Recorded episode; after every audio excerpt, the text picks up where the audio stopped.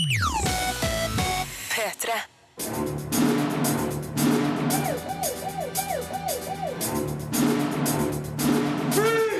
Filmpolitiet!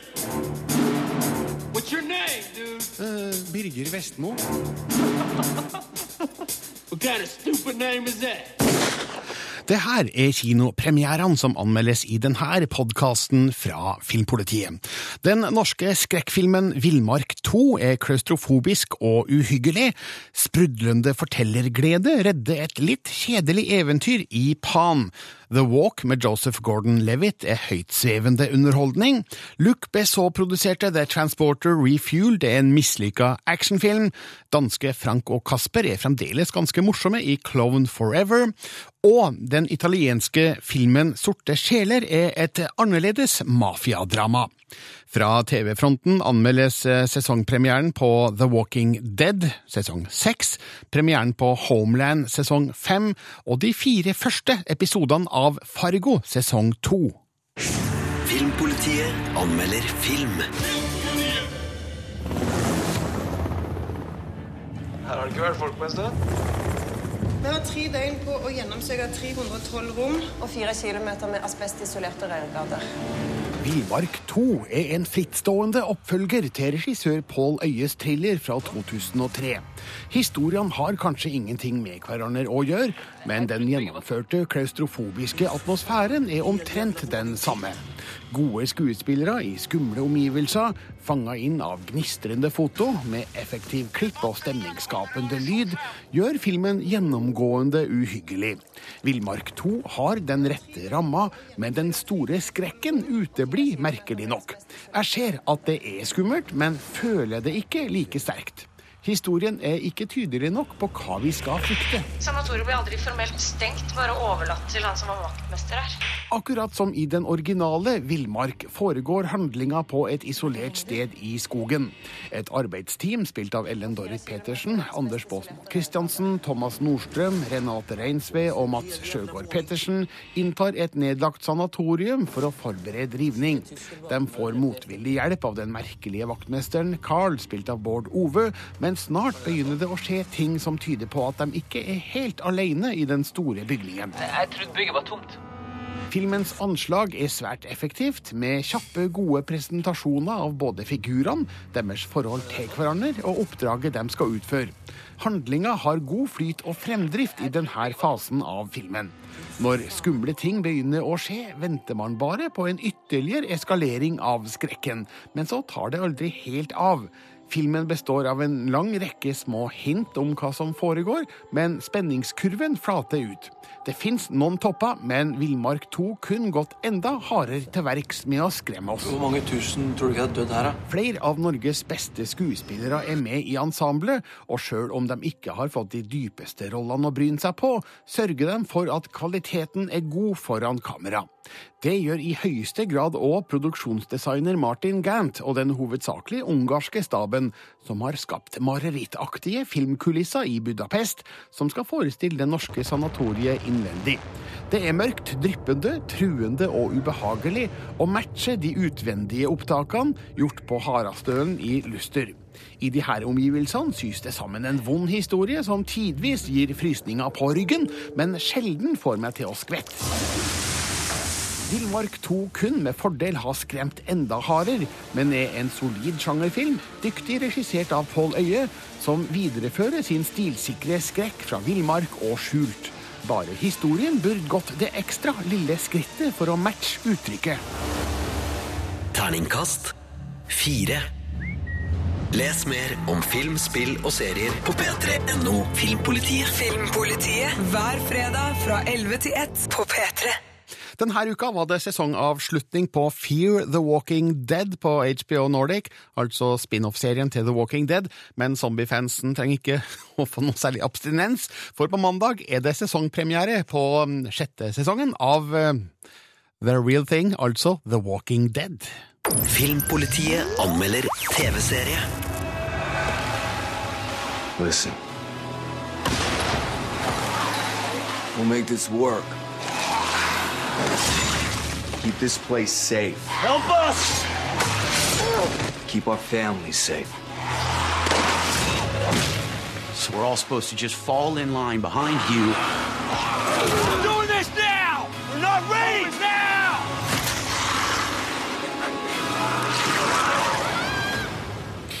Og her, Marte Hedenstad, hørte jeg veldig mye Det er mye zombier. og splett. Veldig mye splett. Ja, altså eh, Mandag kveld på TV-kanalen Fox eh, starter sesong seks av The Walking Dead, og jeg tenker at enhver sjette sesong av en hvilken som helst serie, der står man i fare for at det dabber av litt. Ja, men det er det som er med serieskaper Frank Darabont og hans eh, gjeng av manusforfattere. De er ekstremt flinke til å starte og slutte sesongene sine veldig bra. Sånn at eh, denne sesongpremieren på den sjette sesongen av The Walking Dead er ganske så spennende. La oss nå si at eh, ja, for eksempel mora mi hører på nå, som aldri har sett et sekund av The Walking Dead, og sannsynligvis ikke aner hva det er for noe. Eh, Kan vi ta en sånn kan ta- en- tosetningsinnføring? Ok, eh, verden har gått under. Eh, zombiene har spredt seg over hele klodens overflate, og eh, tidligere sheriff Rick Grimes og vennene hans prøver å overleve i denne postapokalyptiske verdenen, rett og slett. Veldig bra, Marte. Det var én setning, Ja, bare med ja. flere komma. Men eh, i alle fall, hva, hva skjer da i sesong seks, i den aller første episoden? Ja, altså, den eh, begynner der eh, sesongavslutningen eh, slapp, og det er rett og slett da rett etter at Rick Grimes har henretta en av rollefigurene fra den trygge byen Alexandria. Og vi får da et sånt dobbelt narrativ, der vi får se hva som skjedde rett etter dette, eh, og hvordan eh, innbyggerne i Alexandria da liksom tviler på er Rick Grimes den rette til å lede oss, eller er han klin gæren? Eh, Samtidig som vi får se noe som foregår her og nå. Og det er det at Rick Grimes han har nemlig oppdaget et steinbrudd like ved Alexandria, hvor det er tusenvis av zombier som har samla seg. Og lyden av disse zombiene tiltrekker seg enda flere zombier, eh, og de er i ferd med å liksom klare å slippe ut av dette steinbruddet. Så Rick Grimes sier sånn, vet du hva, vi må lede disse zombiene vekk eh, før de kommer til oss. Eh, og da får vi da på en måte se eh, forhåndsplanleggingen av dette, og også tvilen til innbyggerne i Alexandria, klipt sammen med denne massive operasjonen som foregår på en måte her og nå, da. Hvorfor syns du det her er bra? Eh, Det er veldig bra, fordi det er interessant å få den, eh, den reaksjonen på det, disse hendelsene som var fra forrige sesong. Fordi Rick Grimes begynner å bli ekstremt kynisk nå. Han dreper uten å blunke. Han er iskald. Eh, Og det er veldig interessant å se på en måte hvordan eh, disse innbyggerne som ikke har egentlig opplevd De har bodd i trygge Alexandra hele tiden, så de vet ikke hvor farlig det er der ute. eh, Hvordan de opplever han. Eh, Samtidig så har han jo rett, eh, for man må være iskald i denne verdenen her. Um, og, det, og denne den kombinasjonen av denne kryssklippingen, eh, kryssklippingen bygger eh, sesongpremieren opp veldig bra. Eh, og det er liksom tidenes episke zombie walk vi får se her. Det er veldig kule scener mot slutten av episoden med tusener på tusener av zombier. Eh, og det blir en ekstrem sånn spenningstopp mot slutten av episoden. Takk, Marte Hedenstad. Sesongpremieren er altså mandag kveld på Fox. Vi snakker om The Walking Dead sesong seks, og anmeldelse av eh, sesongpremieren får du på P3 og Filmpolitiet litt seinere i dag. P3. Eventyrfilmpremieren Pan anmeldes av Sigurd Vik. Filmpolitiet anmelder film.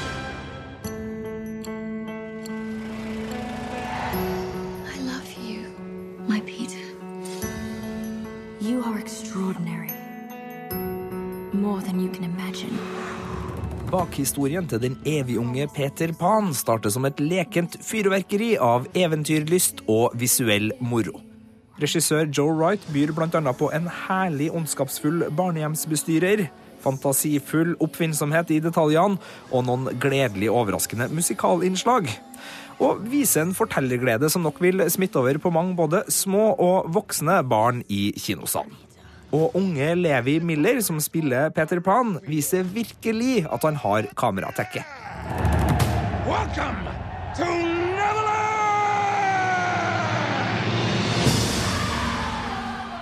Dessverre går mye av lufta ut av historia etter at vi har fått sett oss litt på den magiske øya Neverland. Spenningskurven flater ut, og filmens siste del blir et standard skurkeoppgjør uten nerve eller nevneverdig dramatikk. The little one, he wears the pan. The Pan is our tribe's bravest warrior. It was written. Pan starter Peter Pans historie på et barnehjem i England under andre verdenskrig. Peter er en gutt av det modige slaget, i konstant kamp mot barnehjemsbestyrerens tyranniske lederstil. Men guttens modige motstand blir nytteløs da piratene til den onde kaptein Blackbeard kommer deisende ned fra takbjelka i natt og raider barnehjemmet for unge gutter. Barna blir bortført til fantasiøya Neverland, hvor de tvinges til å grave etter stjernestøv i gruvene.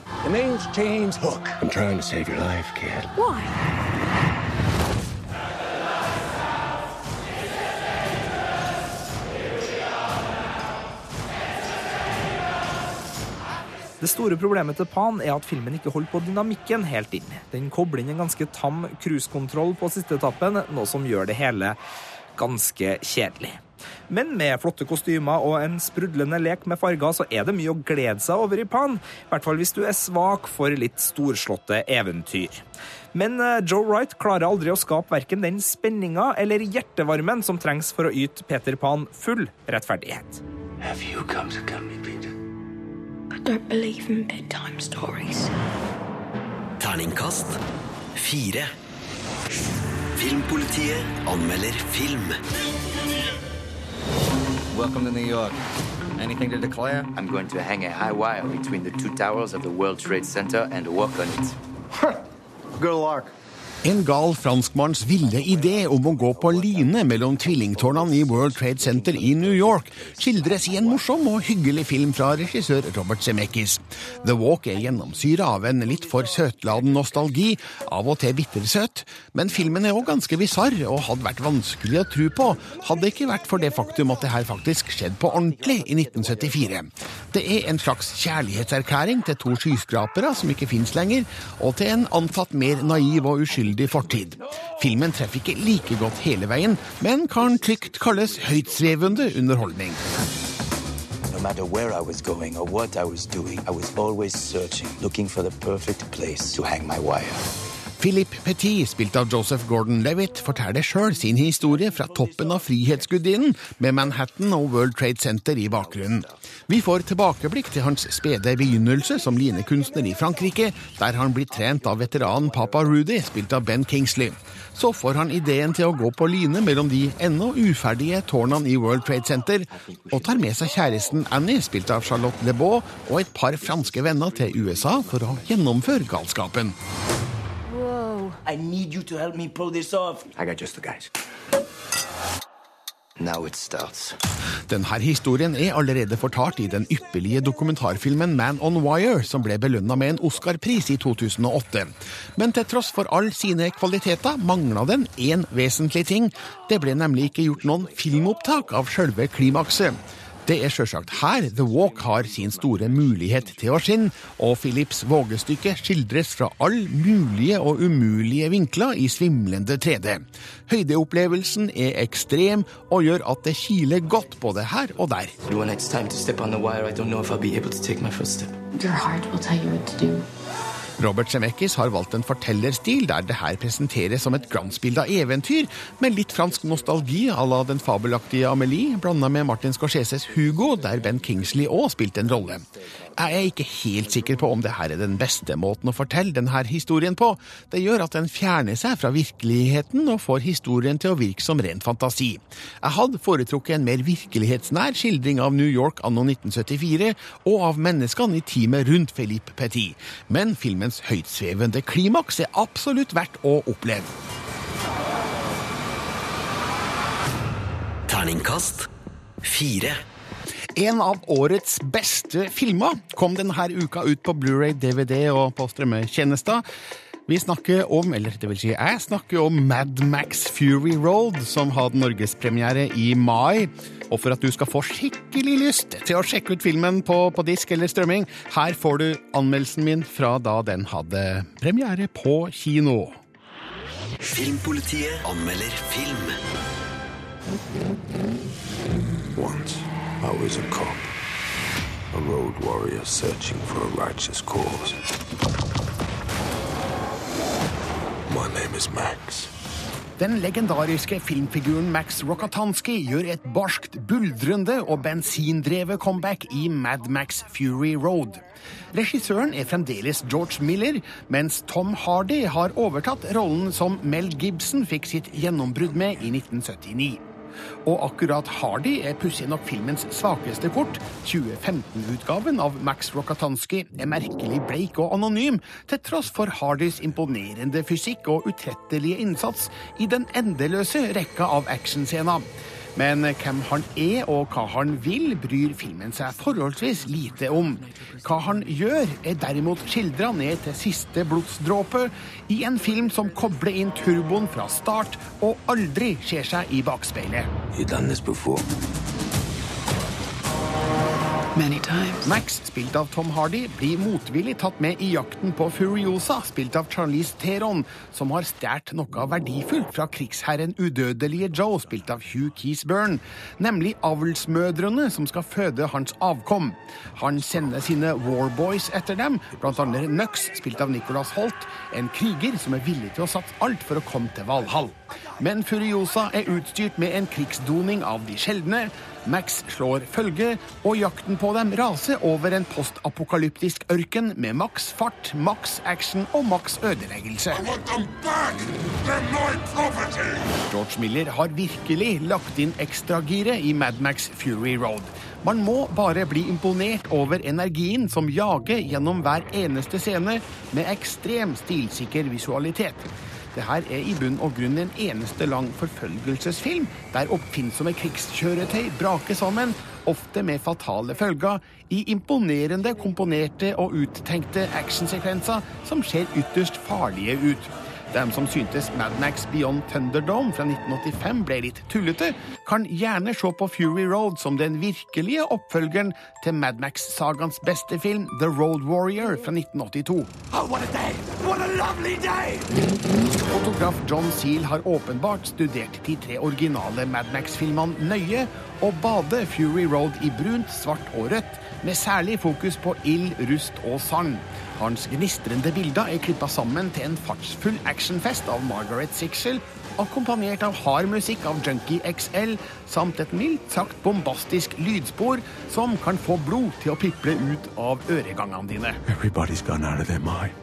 Filmen ville ha vært enda bedre om Tom Hardy hadde fått lov til å gi Max Wakatanski større spillerom.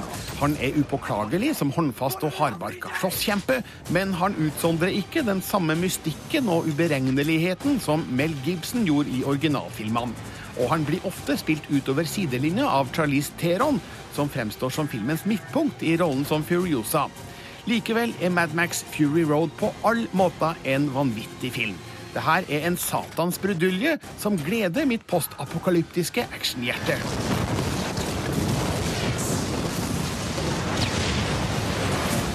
Terningkast fem. Filmpolitiet. Dette er P3.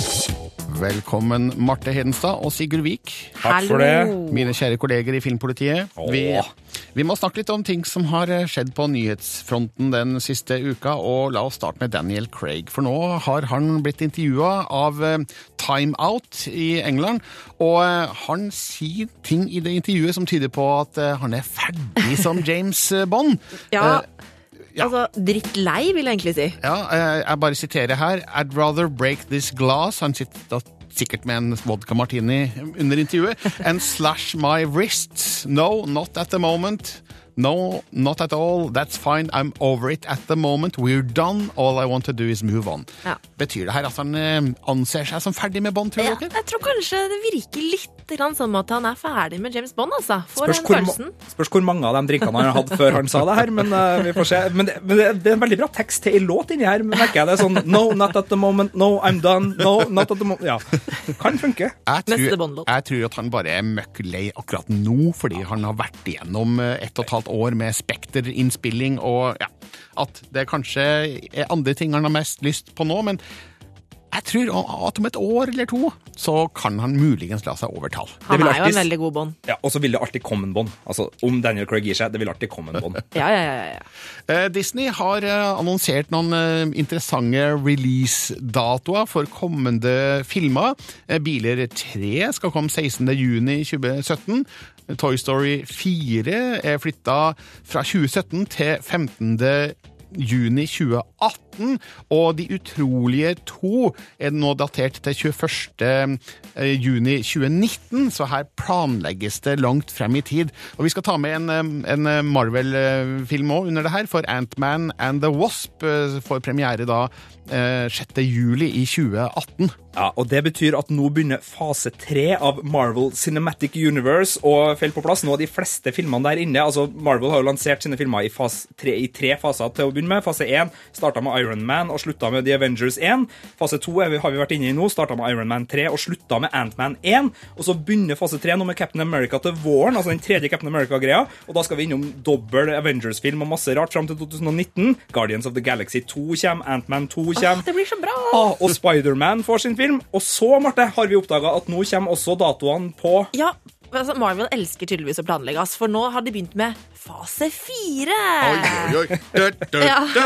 Men hva fase fire er, det er det ingen som veit. Men de har altså da rett og slett eh, lansert eh, premieredatoer for tre filmer vi ikke vet hva er. Blir- Unknown Project Unknown comes with Project. unknown content on a specific date. 1. mai 2020, eh, 10. juli 2020 og 6. november 2020. Da skjer det noe fra Marvel. De er, de er flinke til å dele planene sine, da.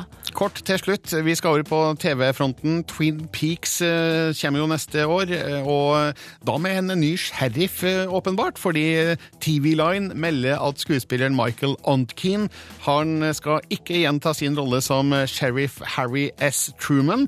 Veldig bra navn på en rollefigur, egentlig. Flott navn. Eh, I stedet så kommer da veteranskuespiller Robert Forster inn, og han er kjent fra Jackie Brown, Heroes, Mulholland Drive.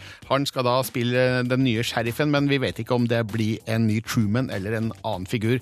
Eh, hva syns vi? Han har, ja, Det må bli en, en helt ny sheriff. Altså, han kan ikke uh, ta over rollen som Truman. Det vil bli rart. Men, men Forster er en veldig god skuespiller, så uh, vi kan godt få en ny sheriff på plass. Altså. Det er greit for meg. Jeg ser bare at han her fyren kan uh, fungere utmerket til kaffedrikking og paispising. Han har et sånt ansikt, en, et figuransikt som er veldig godt. Jeg gleder meg. Bare de ikke bytter ut Kyle MacLachlan så. Det hadde vært noe, det. Men det skjer ikke. Forhåpentligvis. Kryss i fingra. Dette er Filmpolitiet Filmpolitiet på P3. Er du en av de som lo deg forderva av TV-serien Klovn og filmen Klovn the Movie? Vel, da må du høre hva kollega Sigurd Vik har å si om oppfølgerfilmen Klovn Forever, som har premiere i dag. Filmpolitiet anmelder film. De starter på en frisk ser godt ud, hva'? for at repræsentere deres stolte fædreland. Hvis du digger den kleine humoren til Frank Wam og Kasper Christensen i Klovn, så er det her et hyggelig gjensyn med de to pinlighetsmagnetene. Første penisvits kommer allerede noen sekunder ut i åpningsvignetten, og de lesser på med frisk nakenhet og tester definitivt grensene for hva et vennskap kan tåle av intimgrensebrudd og krenkende oppførsel. Nei, stopp! nå må det stoppe. Nå må det simpelthen stoppe det der. Lad være med det sure fjes der. Men de klarer ikke å oppnå den samme hakeslipp-effekten som serien Klovn og Klovn the Movie gjorde på sitt beste. Vi har blitt godt vant med særdeles grov humor fra den kanten, og når drøyhetskortet ikke har samme slagkraft som tidligere, så er det ikke nok som settes på spill i Clone Forever til at kinopublikummet rives med av selve historien. Og så en orange derovre, Ja, det er Cecile. Er det Sille? Det er min datter, ja. Så jo, hun er sød for Sille! Denne gangen går turen til USA. Kasper har flytta dit for å leve singellivet, og Frank reiser etter for å berge vennskapet.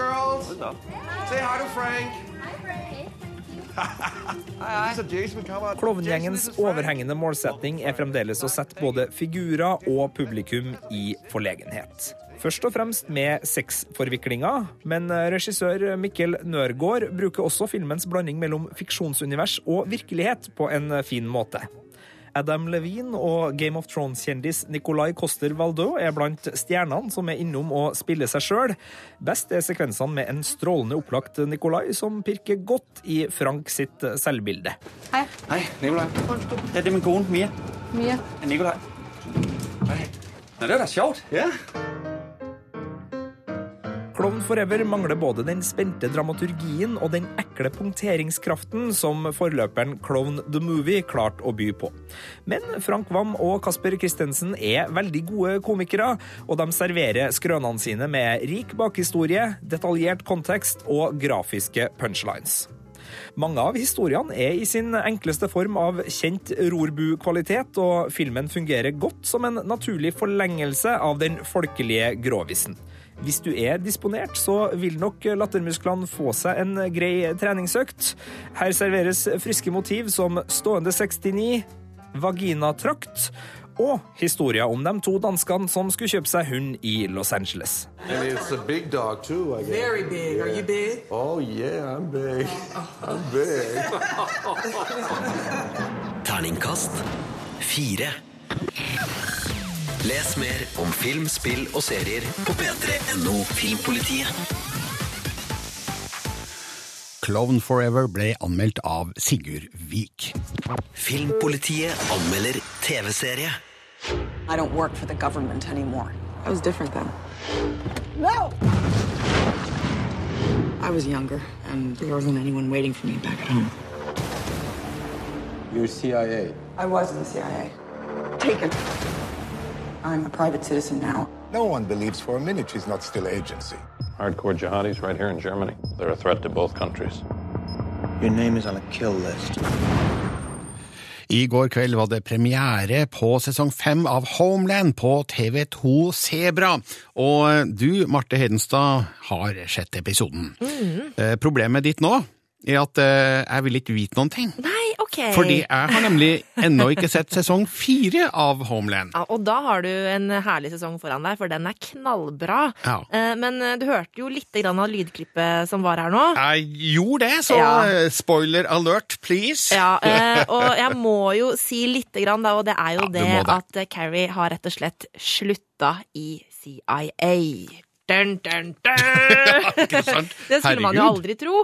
Men uh, denne eh, femte sesongen av Homeland begynner altså to år etter eh, den forrige sesongen. Mm. Og vi møter Carrie som har flytta til Berlin. Hun har samboer. Hun er eh, en eh, god mor for lille Franny, som nå har begynt å bli ganske stor. Eh, Og hun ser altså så sunn og frisk og tilfreds ut. Men Men dette går jo ikke. Altså, En sunn og tilfreds og glad Carrie, det, det er jo ikke Homeland. Eh, og det er jo da sånn at hun jobber for en sånn hjelpeorganisasjon, en stiftelse, og hun er da sikkerhetsansvarlig der. Eh, og når da denne sjefen Otto During skal til en flyktningleir i Libanon, så må Carrie på en måte ta litt kontakt med gamle kontakter for å få hjelp til å sikre denne reisen, da. Nå sa du i sted at eh, sesong fire var knakende god. Indikerer første episoden av sesong fem at Homeland holder koken? Ja, altså, jeg syns den begynner litt eh, treigt, men det kan jo ha noe med å gjøre av at eh, Carrie er så happy og tilfreds, liksom.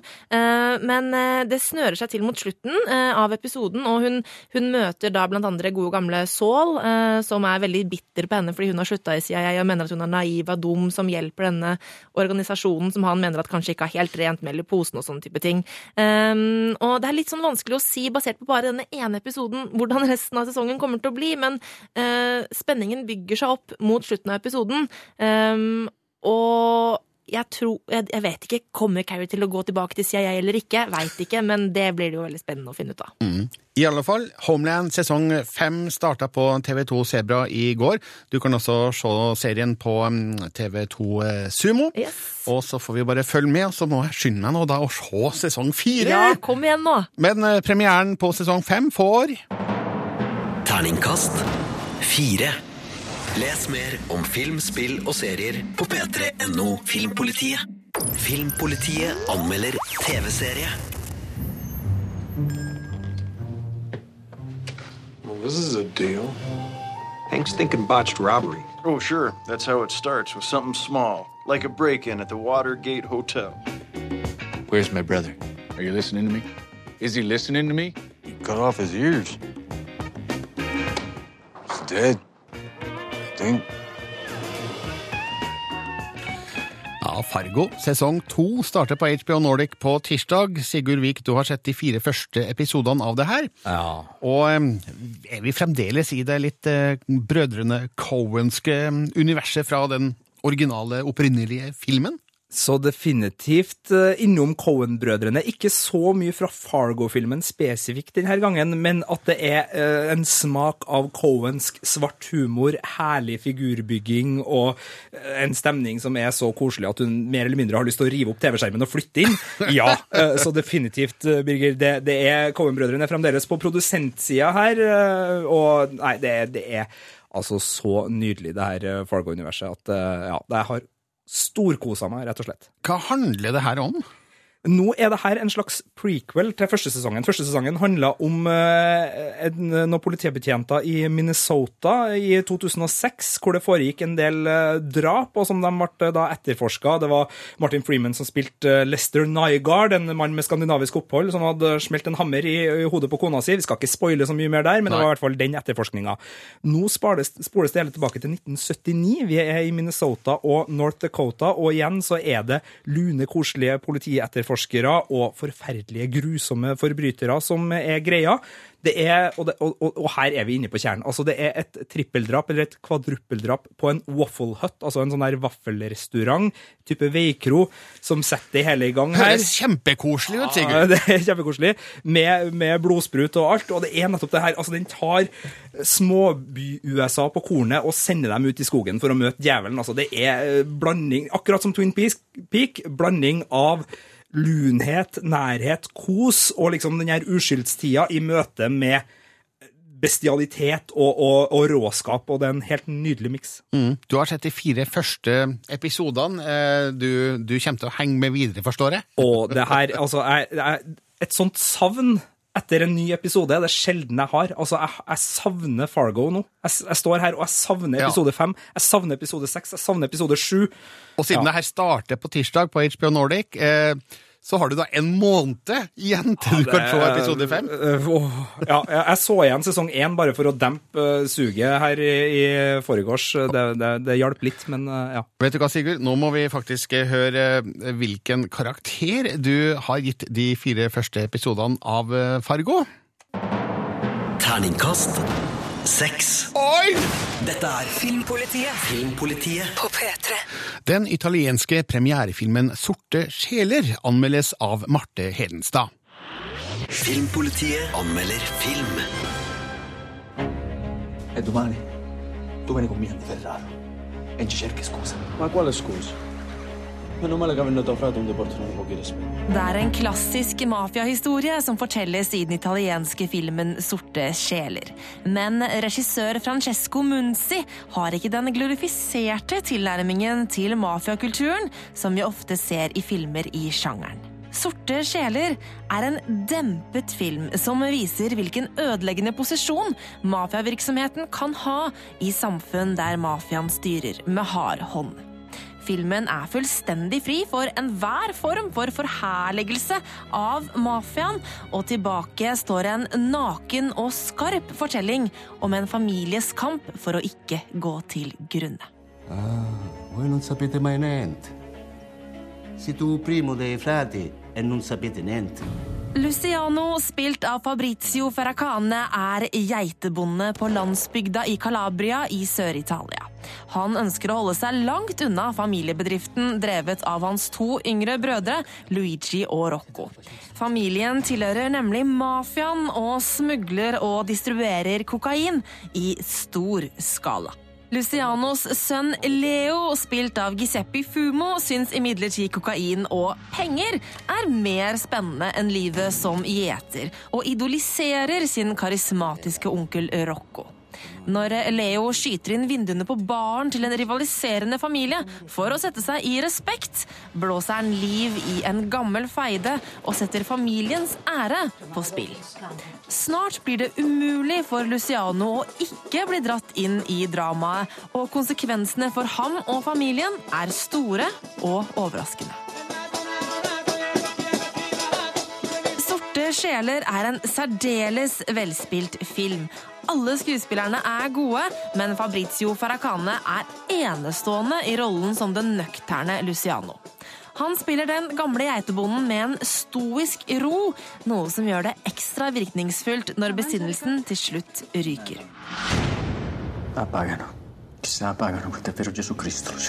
Filmens manus er saktegående, og noen vil kanskje mene det gjør filmen langtekkelig.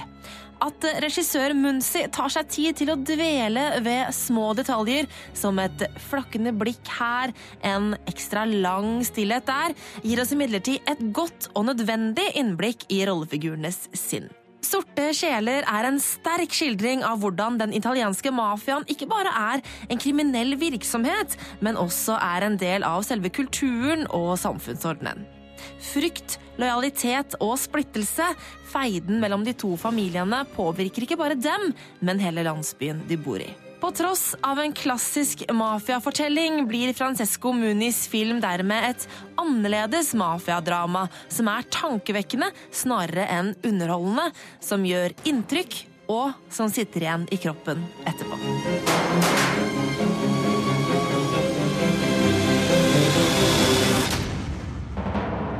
Terningkast fem. Det var Marte Hedenstad som anmeldte Sorte sjeler. Filmpolitiet anmelder film. Raconte-moi quelque chose. hein. Regarde ce que je t'ai dit depuis tout à l'heure. Den franske filmen Pust forteller den forholdsvis velbrukte historien om den streite jenta som får livet snudd på hodet av sin nye og ville venninne. Men regissør Melanie Laurin forteller historien med nerve, et stramt og enkelt uttrykk, og med unge skuespillere som gestalter troverdige figurer. Historien går kanskje bortenfor det som er troverdig, og jeg rister litt beklemt på hodet av filmens siste sekvens, men Pust er likevel en ganske imponerende andre film av Melanie Laurin, som også er en erfaren skuespiller. Paul, je te Sarah, une copine de classe. Pour toi, je suis une copine de classe. Mais je sais pas, j'aurais dû dire quoi 17 år gamle Charlie, spilt av Josephine Chappy, er den helt vanlige jenta som blir betatt av den nye jenta i klassen, Sara, spilt av Lou Delage, som er spennende og uforutsigbar. De innleder et nært venninneforhold som gir Charlie en smak av voksenlivet som Sara virker å ha erfaring med. Men når Charlie oppdager Saras store hemmelighet, mister hun venninnas fortrolighet, og et destruktivt spill settes i gang mellom dem. Rien du tout, tu dis ce que tu veux.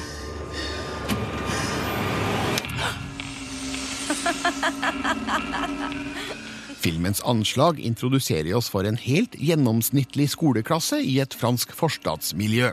Charlie er en helt vanlig tenåring med fokus på skole, venner og fritid. Innledningsvis forstår vi at det er oppbruddsstemning mellom foreldrene hennes, og Charlie trenger et utløp. Hun finner det i Sara, men filmen gir oss små, smarte indikasjoner på at det her venninneforholdet kanskje ikke er helt hva Charlie tror. Det veksler mellom nær fortrolighet og direkte ondskapsfull avvisning.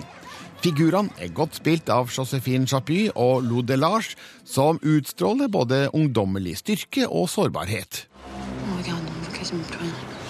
Ouais. Je pense que c'est mieux qu'on ne. Pardon Bah ouais, les autres comprendraient pas. Et moi, je dois comprendre quoi? Tu viens chez moi comme ça Toi aussi, t'es venu chez moi, tu m'as suivi, on est quitte. Venninneforhold er ikke noe nytt på kinolerretet, men jeg syns Pust gir oss noen friske og tankevekkende vinklinger på vennskap, og hvordan det kan skifte tone radikalt på et øyeblikk. Hvordan Charlie finner ut av Saras hemmelighet, fortelles i en nydelig sidelengs kamerakjøring. Saras reaksjon når hun forstår at Charlie veit, er iskald og ødeleggende. Den psykologiske krigen som Sara setter i gang, er målretta og ubarmhjertig. Vas pas te laisser emmerder, hein Pas si impressionnante que ça, ta Sarah. Filmen gjør en litt mindre god jobb med å forklare hvorfor Charlie finner seg i det som skjer i historiens andre halvdel. Hun tar mot og tar mot, uten at det tilsynelatende fins gode nok grunner til å ikke ta affære. Til sist får alt en ende som virker en smule for drastisk og dramatisk til at jeg kan få meg til å tro helt og fullt på det. Sekvensen finner seg ikke helt til rette i historiens øvrige tone, men Pust er stort sett et solid drama med god nerve mellom sine hovedfigurer og beherska regi av Melanie Lauret. Terningkast fire. Fikk du ikke sett Spy på kino? Nå har du sjansen på Blu-ray, DVD og strømming, men burde du? Her er min anmeldelse fra kinopremieren, så får du høre. Filmpolitiet anmelder film. When I quit teaching and joined the CIA, I thought I was going to be this amazing spy, and I'm still just the same boring person I was. Jeg liker at Melissa McCarthy fins, men ikke nødvendigvis filmene hun er med i. Spy kommer derfor som en hyggelig overraskelse, for det her er en frisk komedie som tar agentfilmer på kornet. Her får hun tatt i bruk sine udiskutable egenskaper som frekk komiker i en film som har overraskende voldelig innhold, noen skikkelig grove vitser og en gjennomgående morsom rød tråd om feminismens seier over machokulturen. Spy leverer latter til godkjent karakter. To another successful mission. I couldn't do what I do without you in my earpiece. Head down the tunnel. You got three coming in. Susan Cooper, spilt av Melissa McCarthy, er kontoragenten i CIA som hjelper feltagenten Bradley Fine, spilt av Jude Law. Når han plutselig forsvinner ut av bildet, må hun sjøl i ilden for å stoppe salget av en liten atombombe til terrorister. Susan går inn i et farlig miljø med internasjonale våpenhandlere, men blir motarbeida av agentkollega Rick Ford, spilt av Jason Statham, som mener hun ikke er skikka til å være feltagent. Okay, thanks, lunch lady. You're going. Okay. Yeah, bring one of your cats as a sidekick. I don't have cats. Regissør Paul Feig har jobba sammen med Melissa McCarthy i to filmer tidligere, nemlig Bridesmaids og The Heat. I begge filmene gikk humoren ofte på bekostning av McCarthys kroppsfasong. I Spy ler vi heldigvis med hun, ikke av hun. Humoren er som oftest situasjonsbetinga, ikke basert på kroppsfokus, sjøl om det fremdeles forekommer i enkelte scener. Stort sett får dumme menn unngjeld i møte med Susans mot, kløkt og handlekraft. Girl power er kanskje et forslitt begrep, men det er denne filmen full av. You are incredibly out of your Spy har flere kamp- og forfølgelsesscener som er greit filma og redigert. Her er det mange blodige øyeblikk, bl.a. i en tøff kjøkkenfight, men det er åpenbart digitalt blod som spruter. Det er i tråd med filmens generelle stemning, der ingenting blir for alvorlig. Jeg sitter med en følelse av at samarbeidet mellom Paul Feig og Melissa McCarthy har nådd en foreløpig formtopp med Spy.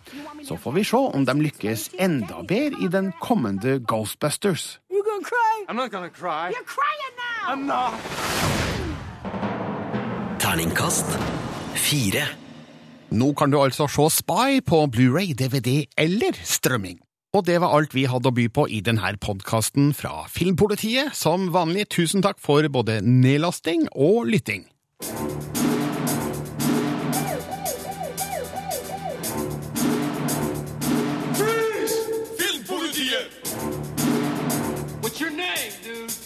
Birger Vestmo. Kind of stupid name is that? Hør flere podkaster på nrk.no podkast. P3.